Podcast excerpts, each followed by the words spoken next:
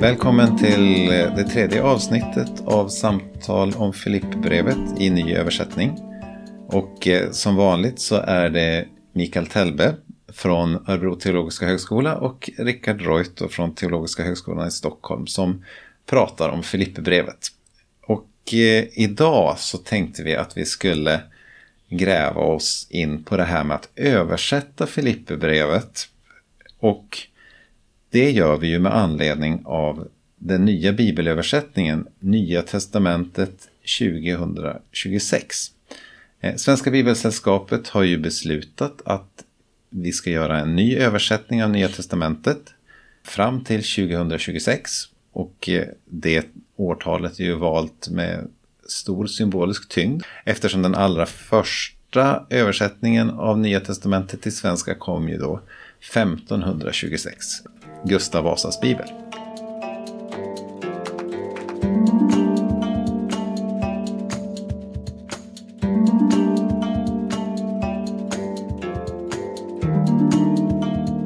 Vad kan vi säga om den nya översättningen av Nya Testamentet, Mikael, i jämförelse med 1981 års översättning?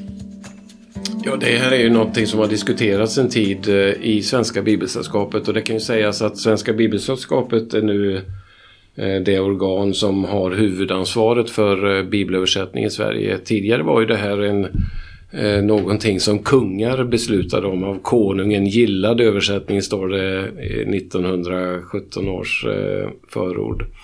Eh, och svenska regeringen eller riksdagen tog beslut eh, om eh, översättning och klubbade igenom Bibel 2000. Men efter det så släpptes det uppdraget till Bibelsällskapet. Och det har väl att göra delvis med att man beslutade att Svenska kyrkan inte skulle vara Sveriges statsreligion längre. Ja, Och då var det helt orimligt att ha bibelöversättningen som en statlig utredning. definitivt. Så att det har ju förts ett samtal lite grann eh, kring det här Bibel 2000 och de flestas reaktioner är ja men hallå det är ju inte länge sedan Bibel 2000 kom. Men då ska man komma ihåg att eh, Nya Testamentet som finns i Bibel 2000 den översättningen gjordes på 70-talet, alltså för eh, ungefär 50 år sedan. Och kom ju att kallas NT 81 Nya Testamentet i 1981 års översättning. Men det, merarbetet gjordes typ mellan 1973 och 1978 i den översättningen, eller 79. Och eh, det har gått eh, 50 år och då kan man eh, fundera på, ja är det dags? Man kan ta språklig hänsyn, ja kanske svenska språket inte har utvecklats jättemycket men det finns ju en del saker som man kan eh, ändra på som är lite klumpigt. Eh, med fader, man kan ha far istället. Man kan, skriver inte skall utan man skriver ska. Alltså rent sådana språkliga, och det skulle ju kunna göras en revidering utan att göra en nyöversättning. Men sen till det kommer sen det här med översättningsideal där Bibel 2000 eller Nya Testamentet 1981 Ja, ganska fritt översättningsideal där man kan skriva om och man kan använda väldigt många olika synonymer för ett och, ett och samma grekiska ord. Man var något fri som eh, man kan fundera på. Och det var väl så lite grann runt 1970 och även 1980-talet att då, då rådde den, den här typen av översättningsideal som du beskriver väldigt starkt. Alltså, Ja. Översättarna betonade det som man kallar för funktionell ekvivalens, det vill säga att när den, när den som läser Bibeln på svenska läser det, då ska de förstå ungefär samma saker som den som läste den på grekiska en gång i tiden förstod. Ja. Och ibland så måste man skriva om det med andra ord för att mottagaren ska förstå. Och, och, och det här, den här principen drev man ju ganska långt då ibland. Att man då i, valde att översätta ganska fritt då. Därför att man tänkte att om vi översätter ord för ord här så kommer den nutida läsaren att förstå helt fel. Ja.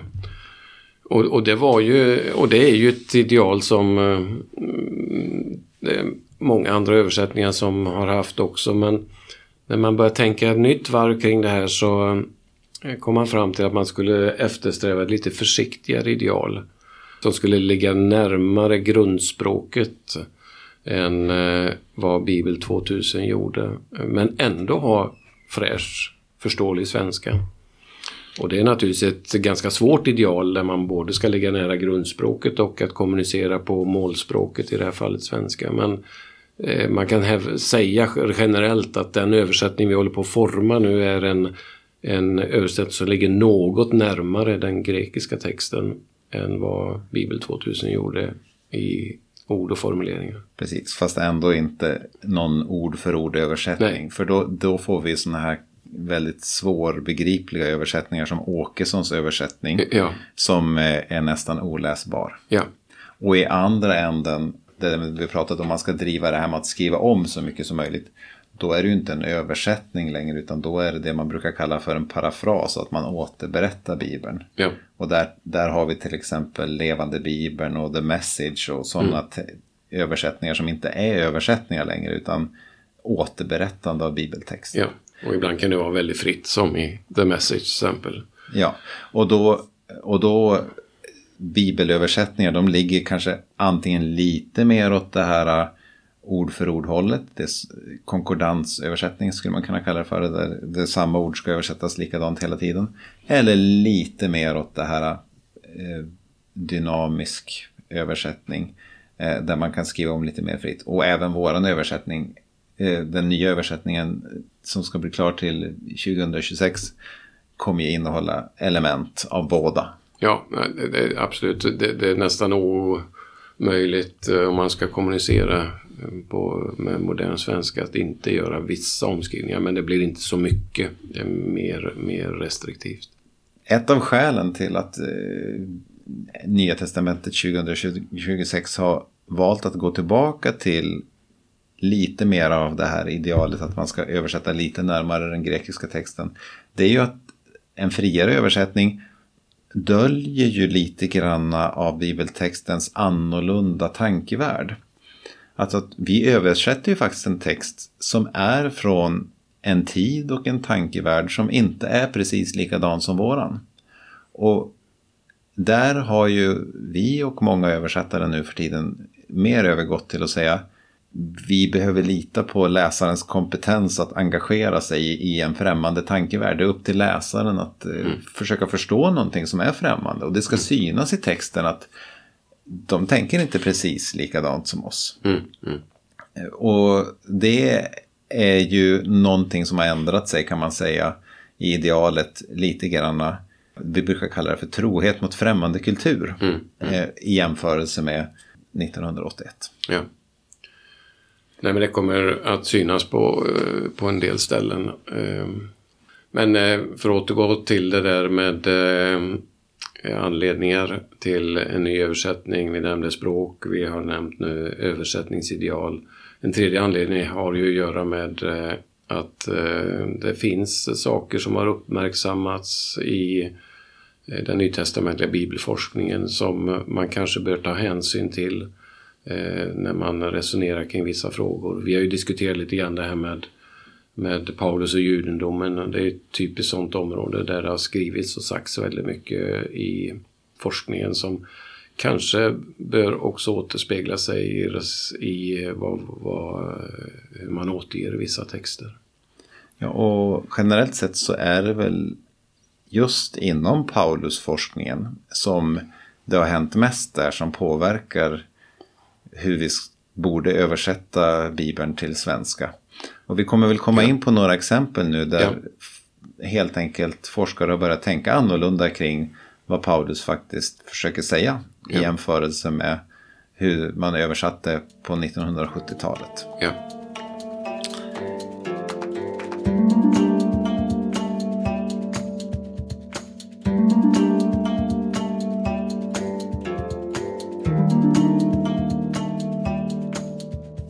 Vi har ju lovat oss själva och er läsare att vi ska börja med en av de mest älskade texterna i Filipperbrevet, Kristushymnen.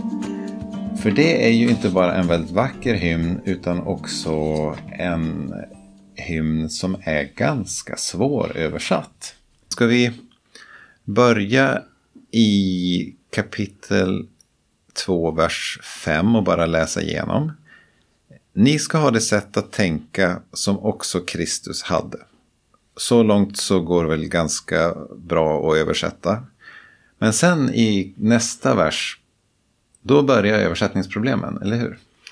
Ja, det kan ju man säga därför att eh, vi har ett antal eh, lite svåröversatta och som också blir svår, eh, svår, svåra begrepp teologiskt vad han menar. Han säger ju i vers 6 inledningsvis att han ägde Guds gestalt.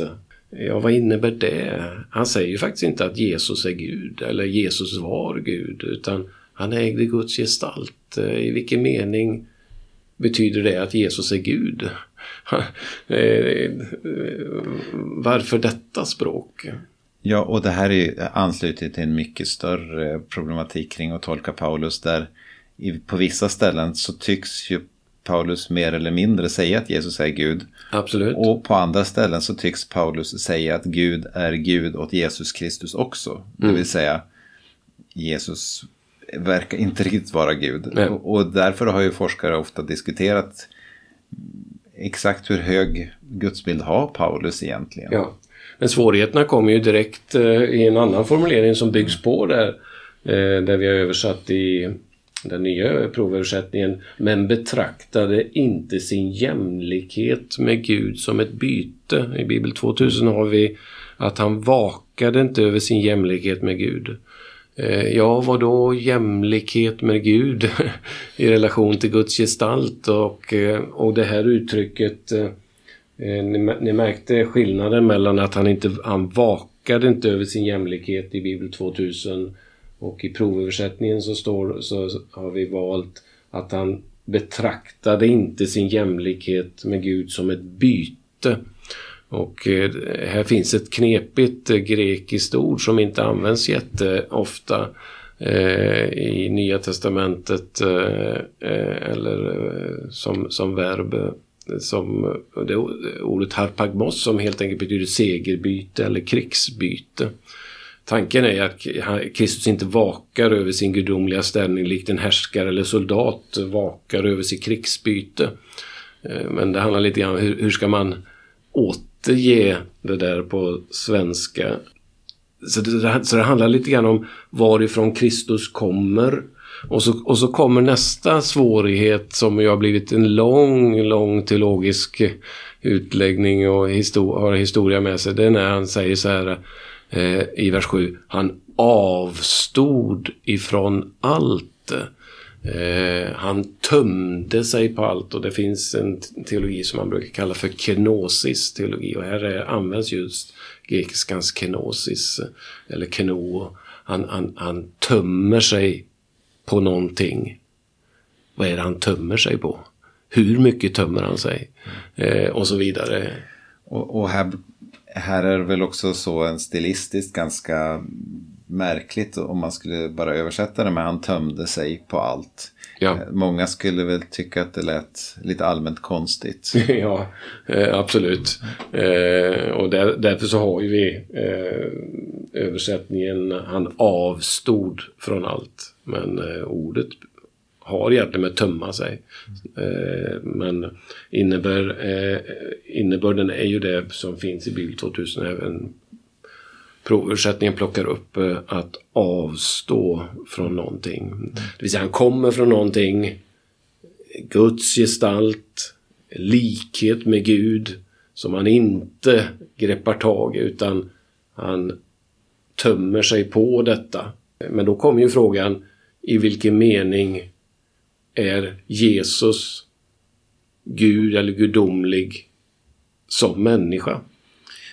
För, för man kan ju tolka det här tömmandet delvis som en slags av, alltså att man tömmer sig på sin, sin, sitt anseende och sitt status. Ja. Sin status, men det kan ju också tolkas som att man tömmer sig på sin substans eller sitt ja. väsen. Ja. Eh, och det är ju texten kanske inte helt tydlig på. Och, och dina två tolkningar då, den ena då att om man skulle tömma sig på sin substans eller sitt väsen då, då låter det som att han mera som att han tömmer sig på gudomligt väsen då. Eller, ja, ja. eller med den andra statustolkningen, då skulle han då tömma sig på gudomlig status. Ja, ja. Eh, och det kan man säga att texten säger inte vad han tänker på. Nej, det blir lite otydligt men det är klart att eh, man kan ju läsa det väldigt mycket. eh, Alltså jag tror den här statustolkningen är det egentligen oavsett. Ja, eftersom Eh. det, det är ju i verserna innan så handlar ju det om att eh, Filipperna inte ska eftersträva status utan underordna sig varandra. Och sen kommer Jesus här som ett Ja. exempel. Och, och, och, där går ju texten till det yttersta. Han avstod från allt och tog en, står det egentligen, slavs gestalt. Alltså man använder ordet för den som står längst ner. Som Paulus har kallat sig själv tidigare för Kristi slav eller Kristi tjänare. Han, liksom, han går från det, det härligaste till det eh, mest skamliga i samtiden. Och eh, Och där är det att välja mellan att översätta det med tjänare eller slav. Det är ett ganska svårt val. Det är ett svårt val generellt hos Paulus. Och jag brottas, jag sitter och översätter romabrevet nu och brottas med den terminologin. Slav funkar bra i vissa sammanhang, mindre bra i andra sammanhang. Även om jag tycker att poängen med att uttrycka sig slav det är att vi förstår hur radikalt det är han uttrycker sig. Säger vi tjänare så är det lite mjukare. Inte riktigt så skarpt eller riktigt så radikalt. Och det här är ju en av de punkterna där, där hela kommittén som jobbar med översättningen kommer nog revidera sig fram och tillbaka några Ja. gånger och sådär.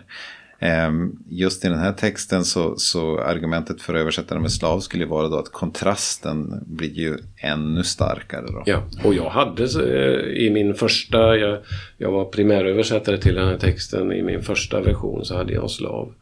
Och sen så gick det några vändor fram och tillbaks. Man bollar och man tar och man ger i ett, ett översättningsarbete. Och till slut så blev det tjänare av olika anledningar. Ja, och tjänare har ju en tung tradition också. Ja. Folk är ju vana vid att det ska stå tjänare här. Ja, man talar om Herrens tjänare eh, och så vidare och att vara tjänare till någon. Så det funkar ju. Eh, Så att... eh, Men, det finns goda argument för båda. Ja, det kan man säga. Det, det, liksom, det, det här är liksom ett exempel på översättningsarbete. Det är liksom ett, det är tagande och givande av goda och dåliga argument. Eh, Ofta är det, står bra argument och väger för det ena eller det andra. Men sen, sen går ju texten vidare för det, eh, vers 7, han tog en tjänares gestalt, det blev som en av oss. Och så står det att, eh, och här har vi översatt, i mänsklig skepnad ödmjukade han sig. Här har Bibel 2000 uttrycket till det yttre hade han blivit människa. Här kommer också ett knepigt ord, eh, nämligen eh, det grekiska eh, begreppet som dyker upp här eh, som, som eh, eh är schemat i, eh, vi har det i vårt schema, eh, man gestaltar någonting. I vilken mening var han i mänsklig gestalt? Det kommer ju också då från, det blir ju inkarnationsteologi som ligger här.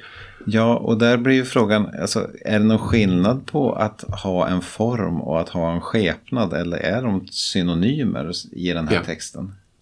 Absolut. Eh, och det, det, alltså ordet, han, han ägde Guds gestalt. Där är ju f- mer form. Och så kommer det här mänsklig, så här, ja, det är inte samma ord. Och vad är då skillnaden mellan orden? Det, det är också en knepighet. Ja, och där finns, antingen menar han någon viktig skillnad som vi inte kommer kunna rekonstruera. Ja, För vi, för vi har ingen möjlighet att fråga. Mm. Eller så tyckte han bara om att variera sig stilistiskt. ja. Nej, men det är ju det. eh, Hur mycket gör man, ska man göra av synonymer? Och, och ehm, eh, det, det här är ju, alltså man, som bibelöversättare jobbar ju man väldigt mycket med bollande av synonymer eh, för att hitta nyanser och, och eh, grekiska ord kan ju vara väldigt tänjbara. Där vi kanske har tio ord på svenska. Grekiskan har bara ett ord egentligen. och då gäller det att hitta de där nyanserna. Och, och sen går ju texten vidare då eh, till det mest eh, förutmjukade man kunde tänka sig samtiden, i, speciellt i romersk kontext, nämligen att bli, bli utpekad, vanhedrad, vanärad, förutmjukad på ett kors. Eh, det är liksom botten är nådd. mm. i, denna, i, i denna resa från Guds gestalt till det mest ömkansvärda. Från, från toppen till botten har vi där i vers 68. Och där får ju, sen får ju texten en, en eh, intressant vändning med eh, ordet därför i vers 9. Där kommer upphöjelsen. Vers 9 till 11 är eh, betydligt lättare att översätta. Det, det, texten är inte så knepig där som vers 68. Eh, Ska jag läsa den? Ja. Därför har också Gud upphöjt honom över allting annat och gett honom namnet över alla namn, för att i Jesu namn varje knä ska böjas, i himlen, på jorden och under jorden, och varje tunga bekänna att Jesus Kristus är Herre, Gud Fadern till ära. Ja. Och, och, de här verserna är då eh, lättare att översätta. De är både lättare att översätta och de är ännu mer rytmiska. I, eh, alltså, det, det, finns tre satser i himlen, på jorden, under jorden och så finns det två satser eh, varje knä, varje tunga och så vidare. Så här har vi lite mer av den här, det här rytmiska i vers 9 till 11. Eh, men det är, ett lite enklare språk och har inte gett upphov till så mycket teologiska diskussioner som det här med eh, vad Jesus var och vad han tömde sig på och vad han blev. Mm. Eh, så att eh, eh det, det, där är språket, eh, eller översättningen lite lättare att handskas med. Ja, det här var ju spännande. Eh, men den, oavsett vilket hur man tolkar detaljerna i det här språket så är ju ändå den här rörelsen från upphöjelse till den till den ultimata förödmjukelsen och i lydnad ända in i det som skapar den här vändpunkten till där Kristus blir hela världens herre och centrum. Ja. Och, och, och, och det är ju både, alltså man har ju diskuterat mycket det här med funktionen utav den här hymnen. Är den bara rent kerygmatisk, eh, det vill säga förkunnande, proklamerande, bekännande eller är den också eh, paradigmatisk, det vill säga den är etisk, moralisk i det att Kristus beskrivs inte bara som den upphöjde som vi tillber utan han är också modellen som att, att följa för Filipperna. Och jag tror personligen att vi måste hålla ihop det. Eh, jag är helt övertygad som jag sa i ett tidigare program att, att Kristushymnen är central också som en modell eh, där det här tänkandet som Filipperna ska ta. Det vill säga att släppa greppet eh, och att precis som Kristus eh, våga göra det eh, för att lida men också för att till slut bli upphöjd. Det paradigmet finns till exempel i 3.21 där Paulus talar om att vi ska förvandlas till slut som Kristus förvandlades därför att han har lagt allt under sig. Men avslutningsvis när vi pratar om Kristushymnen så är det ju så här att i de här situationerna där, där man ser när man jobbar med den grekiska texten att ja, det är svårt att veta exakt vad Paulus menade.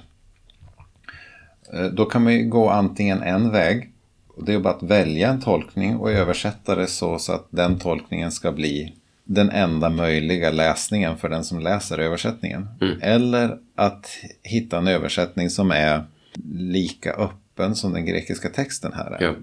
Och här kan man väl säga att vägvalet är ganska tydligt att vi har försökt översätta den här texten på ett sådant sätt att det som är lite svårtolkat i de här verserna mellan 6 och 8 som är de knepigaste. Det är lite öppet också i den svenska översättningen. Hur, så, att, eh, så att det är möjligt att föra en diskussion om den här texten också i den svenska översättningen. Ja, och som du säger, det gäller generellt eh, översättning att vi vill skapa öppenhet, inte låsa oss vid bara en tolkning utan eh, visa på textens många bottnar. Och, och, det kan man väl också säga en liten skillnad i översättningsideal mot eh, Nya Testamentet 1981 som lite oftare, inte mm. alltid då, men lite oftare la in en del tolkande saker i översättningen så att eh, läsning, läsaren skulle styras i en viss riktning ja. i läsningen av texten. Ja, ja. Får, får jag bara tillägga innan vi lämnar texten att eh, jag har ju varit inne på den här eh, politiska bakgrunden där jag eh, i det första programmet eh, drog paralleller mellan eh, eh, Jesus Kristus som Herren och den romerske kejsaren som Kyrios. Och att kejsar Nero i Rom sitter samtidigt och kallar sig själv för kejsar Kyrios. Och eh, här är det Kristus som bekänns. Eh, det, det, det finns två uttryck i den här eh, hymnen som faktiskt vi hittar även i imperieideologin, det vill säga i, i den ideologi som drevs kring eh, kejsarna. Det är dels det här uttrycket morfä theo, Guds gestalt. Det används eh, ett antal gånger om för att beskriva de romerska kejsarna. Att man eh, klär sig i Guds gestalt. Eh, och ett annat uttryck som finns här det är det här jämlik Gud. Isa Theo. Lik Gud. Även det används till exempel om, om eh, några kejsare innan kejsar Nero. Så det kan finnas anspelningar på det här. Och faktum är att det finns en del forskare som hävdar att Jesus Kristus gör det faktiskt eh, som kejsar Nero gjorde fast Jesus gör det på ett helt annat sätt. Därför att kejsar Nero, det berättas om honom att han på nätterna klädde sig som en tjänare eller dräng eller slav för att helt enkelt beblanda sig bland folket. Att vara som en annan som gick på krogen och drack sig full. Det finns några sådana skildringar. Han slutade med det när han, när han hamnade i ett bråk och höll på att bli ihjälslagen. Men eh, just det här att kejsarna de, de griper an kring sin position. De mördar, dödar, hatar för att behålla sin ställning. Och så kan det finnas det här le eh, en slags lek med tanken om kejsar Nero. Eh, men Gud upphöjer Kristus och han får äran och makten på ett annat sätt än att gripa om eller gripa fast vid sin speciella ställning och position. Så att eh, det finns en hel del skrivet om det där som jag tycker är lite spännande med tanke på just Filippius politiska kontext.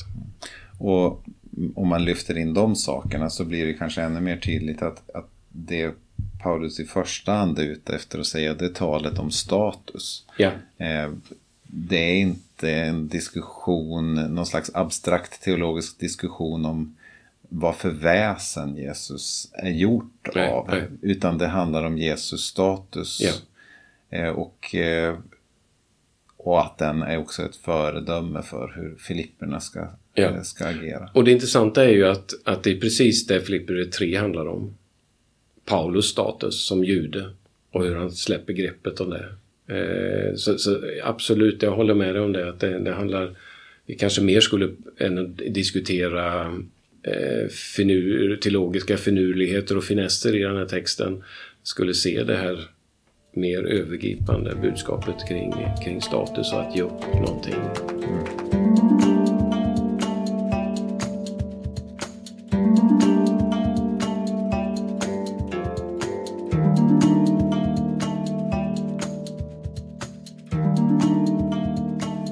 Vi går vidare till några andra spännande saker i Filipperbrevet. Vi kan väl börja med någonting konkret. Eh, och, eller ett par konkreta saker. Det är ju många saker som man behöver fundera på hur man ska översätta. Men en av de sakerna som eh, vi har brottats med är ju hur, hur ska vi översätta ordet adelfoj som antingen kan översättas bröder eller syskon. Var har vi det någonstans i Filipperbrevet? Ja, det finns på en mängd ställen. Alltså ett av översättningsidealen för Eh, Nya Testamentet 2026 det är att vi ska eftersträva ett inklusivt språk och det betyder att vi inte ska vara könsexkluderande såvida inte texten kräver det. Vi kan, inte, vi kan inte göra om Jesu liknelser där det talas om en man och en kvinna eller en, en, en, en slav och, eller söner och så vidare. Det är inte själva poängen. Men när det gäller sådana här adressatstexter där Paulus ofta vänder sig till bröder, ni bröder och så vidare, det vet vi att det handlade inte bara om män utan man använde det här ordet adelfoi som betyder eh, adelfosse, broder i plural för att adressera en större grupp. Där fanns män naturligtvis och män hade prioritet i antiken vilket gör att det är de man adresserar men vi vet också att här finns kvinnor och här finns barn, det finns, här, här finns eh, fler. Och då tänker vi eh, att vi, eh, och det här är vi naturligtvis inte ensamma om, utan det finns fler internationella översättningar som jobbar med ett mer inklusivt språk. Att vi uppmärksammar det här att bredda, vi, vi använder till exempel inte onödigt han där det inte behövs. Eh, den eh, som beder, han ska få. Ja, det, det, det, vadå han? Behövs det? Det räcker med att säga den som beder får. Mm. Eh, och här kan, just när det gäller brevlitteratur så finns det ordet bröd ett antal gånger som i den här provöversättningen är översatt med eh, syskon, kära syskon. Ibland laborerar vi med bröder och systrar. Eh, men det här blir uppenbart till exempel i Filipperbrevet 1, vers 12 och 13. Jag vill att ni ska veta, kära syskon. Och så står det lite längre fram, eh, eller jag, vi kan läsa vers 12. Jag vill att ni ska veta, kära syskon, att min situation snarast har lett till framgång för evangeliet. Det har blivit uppenbart för hela pretoriet och för alla andra att jag bär mina bojor i Kristus och de flesta av syskonen i Herren. Och där kommer ordet bröderna i Herren. Eh, där breddar vi till ett inklusivt språk. Ja, och där kan man väl också säga att eh, det är ganska väl belagt att om man använder adelfos, alltså bror, i pluralis så har vi ganska bra belägg för att är det en blandad skara av män och kvinnor då använder man också adelfoi, alltså bröder i pluralis. Ja. Så att det, var det, det var så man tilltalade män och kvinnor i grupp. Det var bara, bara, bara om det var exklusivt kvinnor som man övergick till att säga, säga adelfai, alltså systrar. Ja.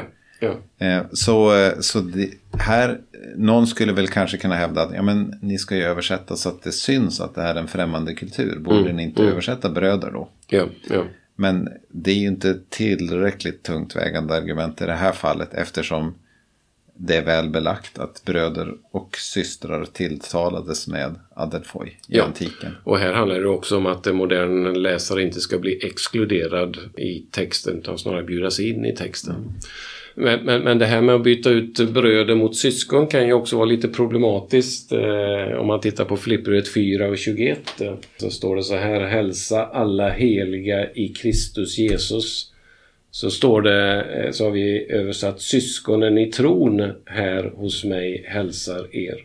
Ordagrant står det bröderna hos mig hälsar er. Och när eh, vi valde då syskonen så skulle man kunna översatt bara att syskonen här hos mig hälsar er. Men då finns ju risken att man uppfattar det som läsare att det handlar om Paulus släkt, eh, alltså hans bröder och systrar i, i perspektiv. Så där, därför så kände vi oss inte tvingade men vi ville förtydliga med att det handlar om trosyskon eller syskonen i tron. Eh, som är ett tillägg för att förtydliga vilka det handlar om. Det där är ett bra exempel på det här med att ibland får man, får man trixa lite grann i översättningen för att, det, för att det ska bli bra som översättning.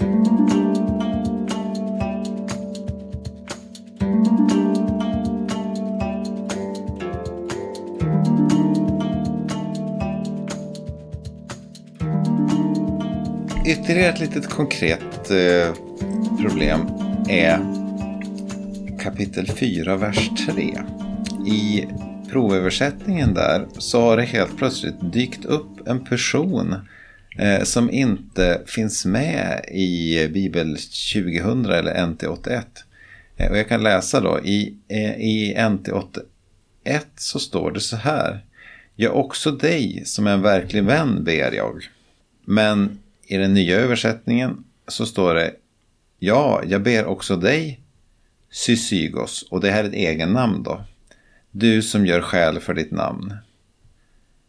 Här finns det en person i provöversättningen men i Bibel 2000 finns ingen person. Varför har Sysygos dykt upp helt plötsligt? Ja, det kan man undra. Ja, det är kanske inte är helt korrekt att säga att det inte finns någon person i Bibel 2000. Det finns en person som är adresserad i andra person singular, dig, du. Och det är ju väldigt kryptiskt. Vem är du plötsligt? Alltså han, det, här, det här duet dyker upp fullständigt förvånande i texten på ett sätt som aldrig sker i någon annan eh, annat Paulins brev. Att Paulus plötsligt adresserar sig till någon helt okänd. Som inte är eh, adresserad tidigare, som inte är namngiven i brevhälsningar och så vidare. Och det gör ju att det, det, det är eh, lite förbryllande. Och grejen är att det här som är översatt eh, Ja, dig också som är en verklig vän. Det där har ett ord bakom sig som är tsytsyge eh, i vokativ, det vill säga en, en tilltalsform. Och ordet bakom det där är tsytsykos som vi har valt, inte unikt, utan det finns i ett antal tidigare svenska översättningar. 1917 Åkesson, även Gert har det här eh, satt ett egennamn, Tsytsygos, Som jag tror är helt korrekt och eh, norska översättningar har valt den vägen också till exempel. Eh, det vill säga, man uppfattar som ett egennamn. Jag tror det är mer troligt att han adresserar en viss person än bara plötsligt ett du. Problemet skulle man kunna säga Eh, och som gör att Bibel 2000 har valt som man har gjort det är att egennamnet Tsitsygos är inte belagt i eh, antik litteratur. Däremot skulle jag vilja hävda att det är ganska vanligt eh, belagt som ett tillägg till namn eh, för ordet betyder egentligen att vara samokad med någon. Eh, det används ofta för att tilltala soldater eller gladiatorer som medkämpar och eh, ligger väldigt nära ett egennamn. Så att eh, jag har, eh, jag, jag, tror att det finns flera skäl till att kunna driva det här som ett egennamn i Filipperbrevet 4 och 3. Men ett lite mer informellt egennamn då, nästan som ett smeknamn? Ja, och, och, och det är alldeles uppenbart eh, därför att vi översatt så här. Jag ber också dig, Tsytsygos, du som gör skäl för ditt namn. Paulus gillar att leka med namn. Han gör det med till exempel eh, Onesimos eh, i brevet till Filemon. Onesimos är ju namnet på slaven men Onesimos betyder också nyttig. Eh, och han kan säga du Onesimos som också har blivit till nytta. Och så leker han med ord.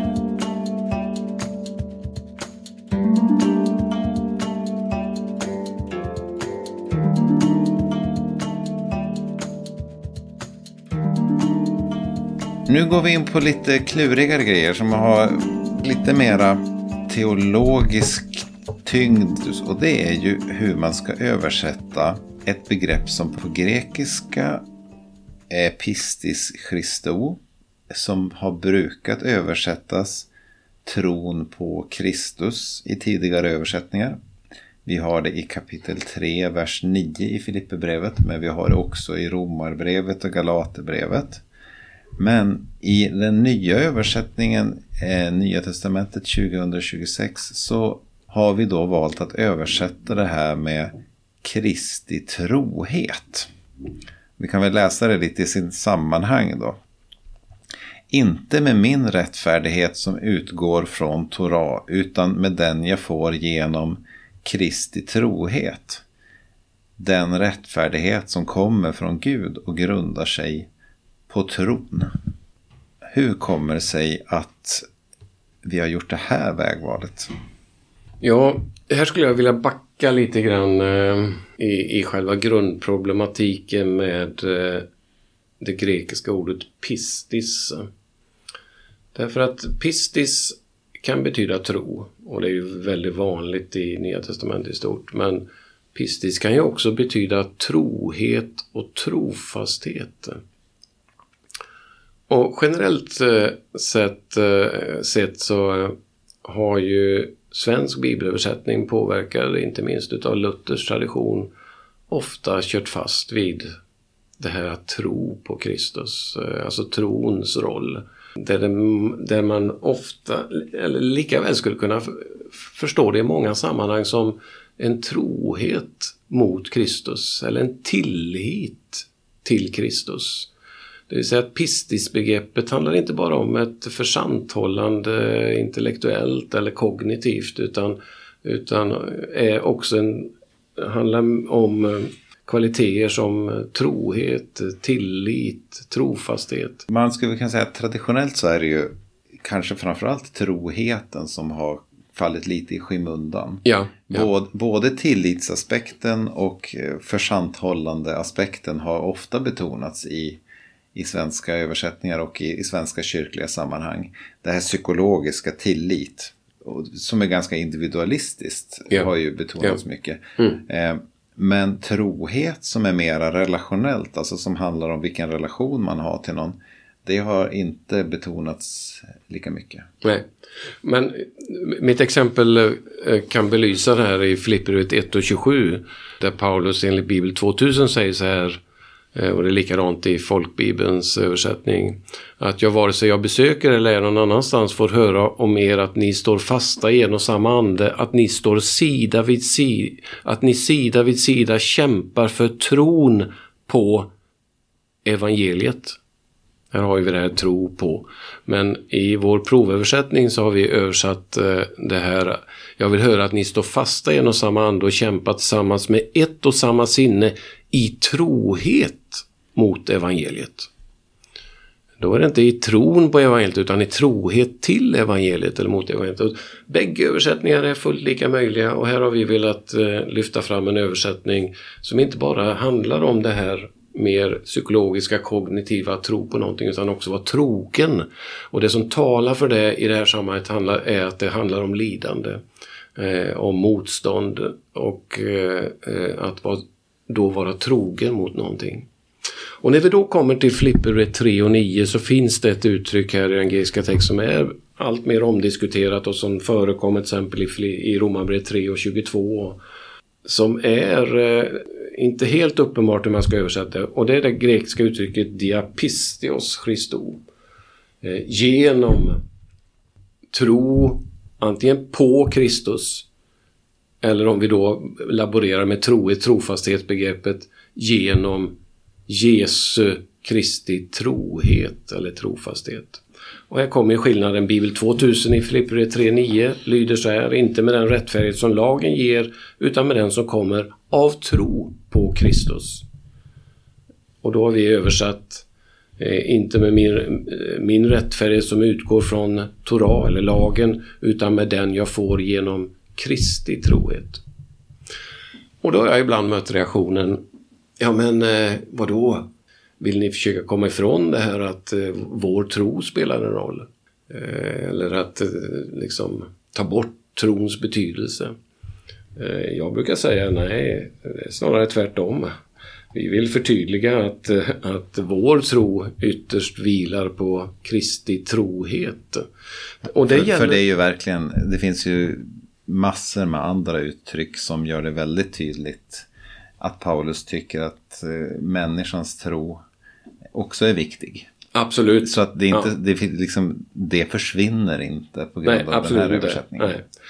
Nej. Eh, nej, men, och, och, och det, jag tycker att det här blir väldigt tydligt i Romarbrevet 3 och 22 för där i Bibel 2000 där så talas det om eh, för alla de som tror på Jesus Kristus för alla de som tror, står det i mm. översättningen. Och det blir upprepning i texten.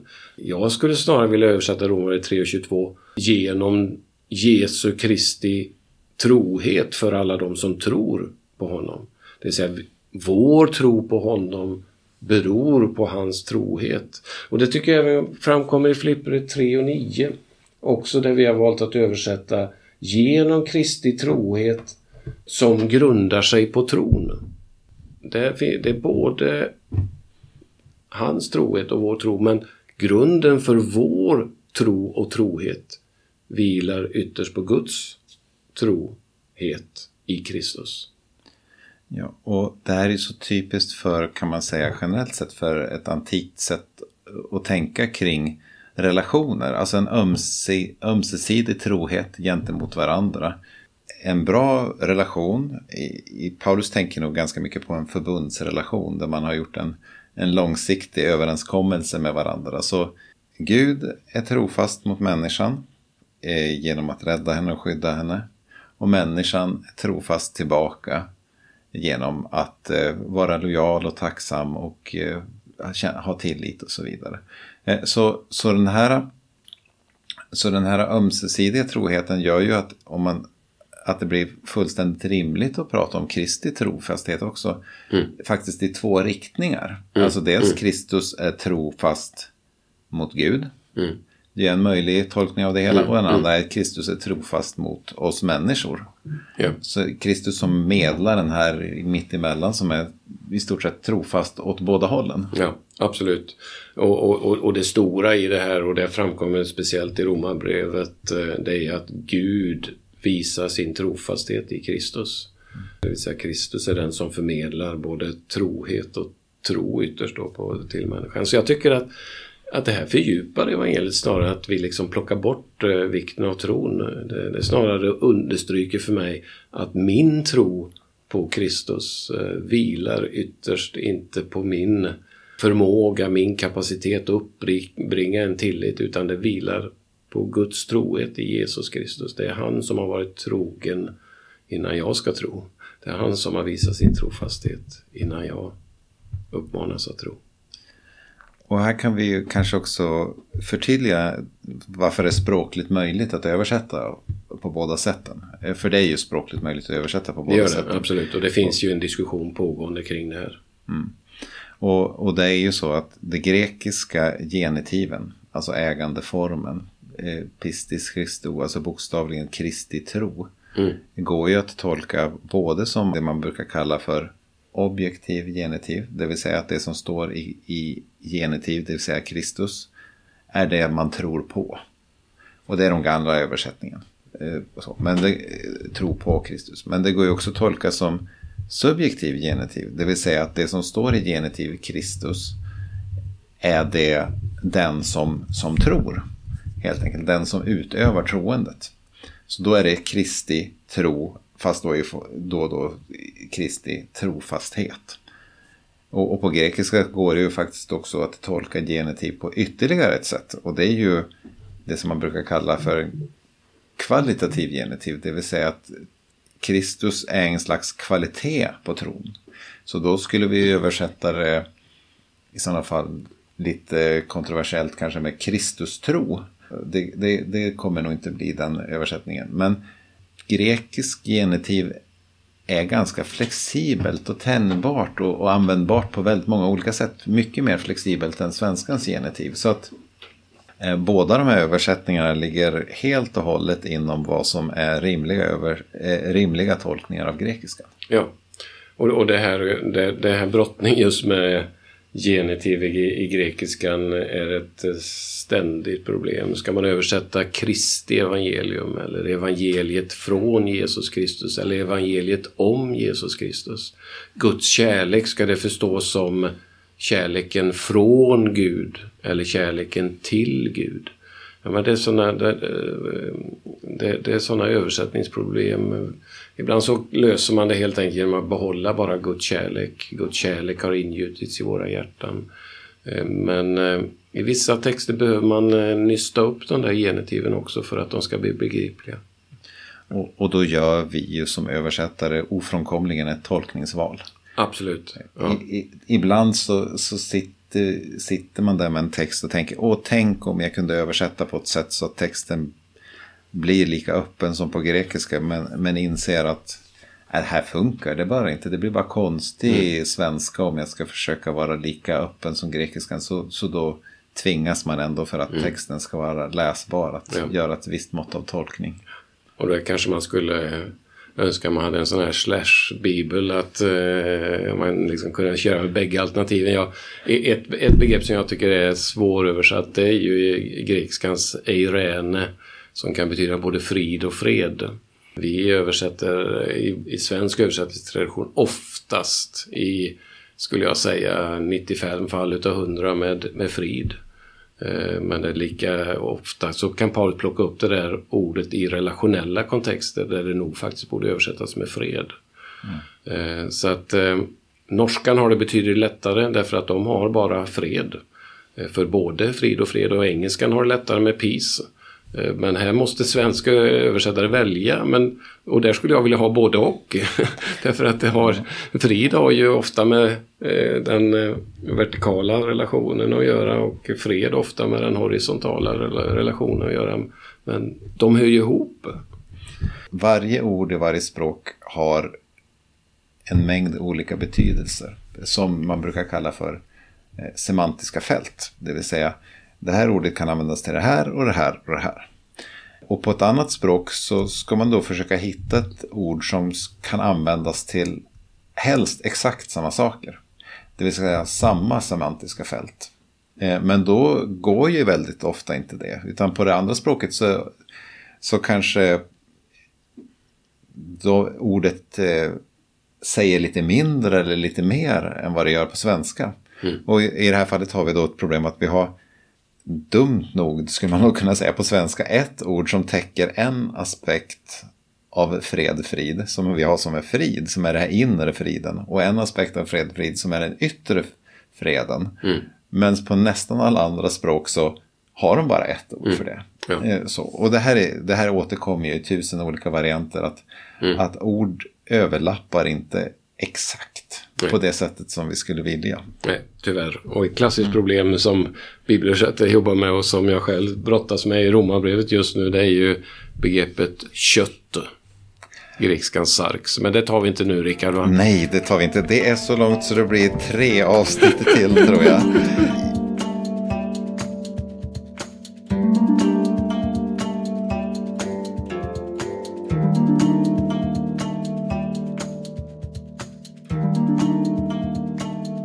Det kan vara värt att nämna en sak till.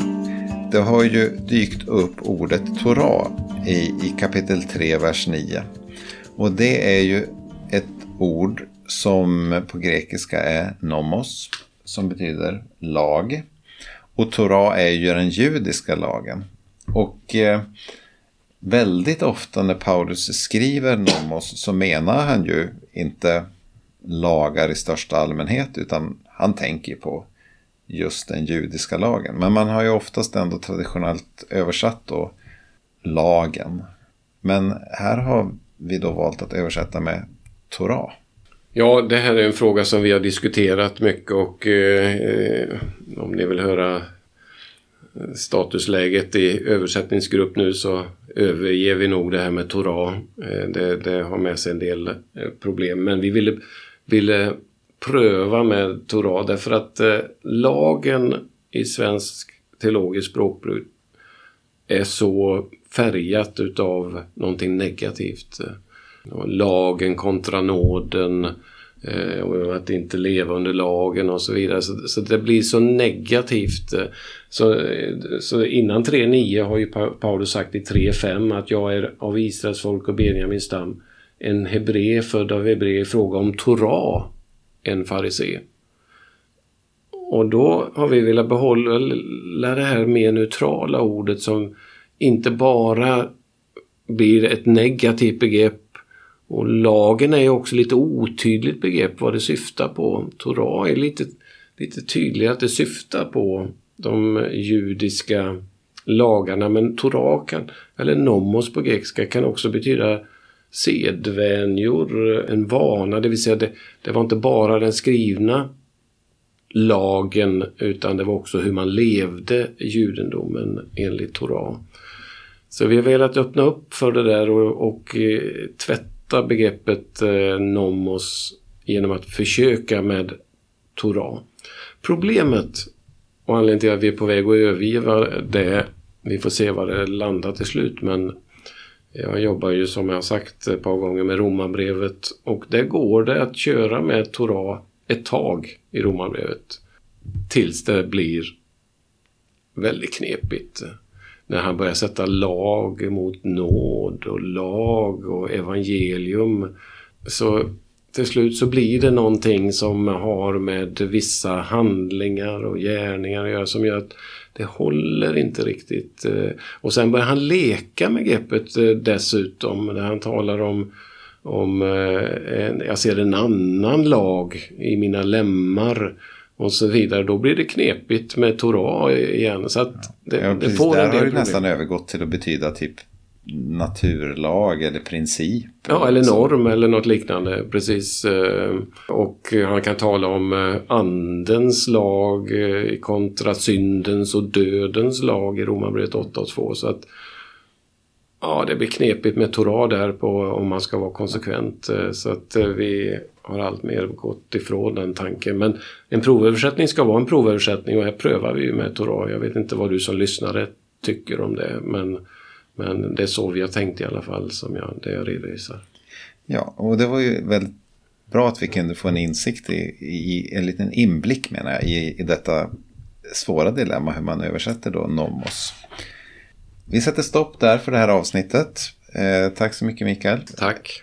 Och sista avsnittet det kommer handla om att läsa Filipperbrevet i nya sammanhang i våran tid. Så då går vi, tar vi ett steg lite framåt från det rent historiska till det man skulle kunna kalla för att tänka på textens relevans för nutida människor.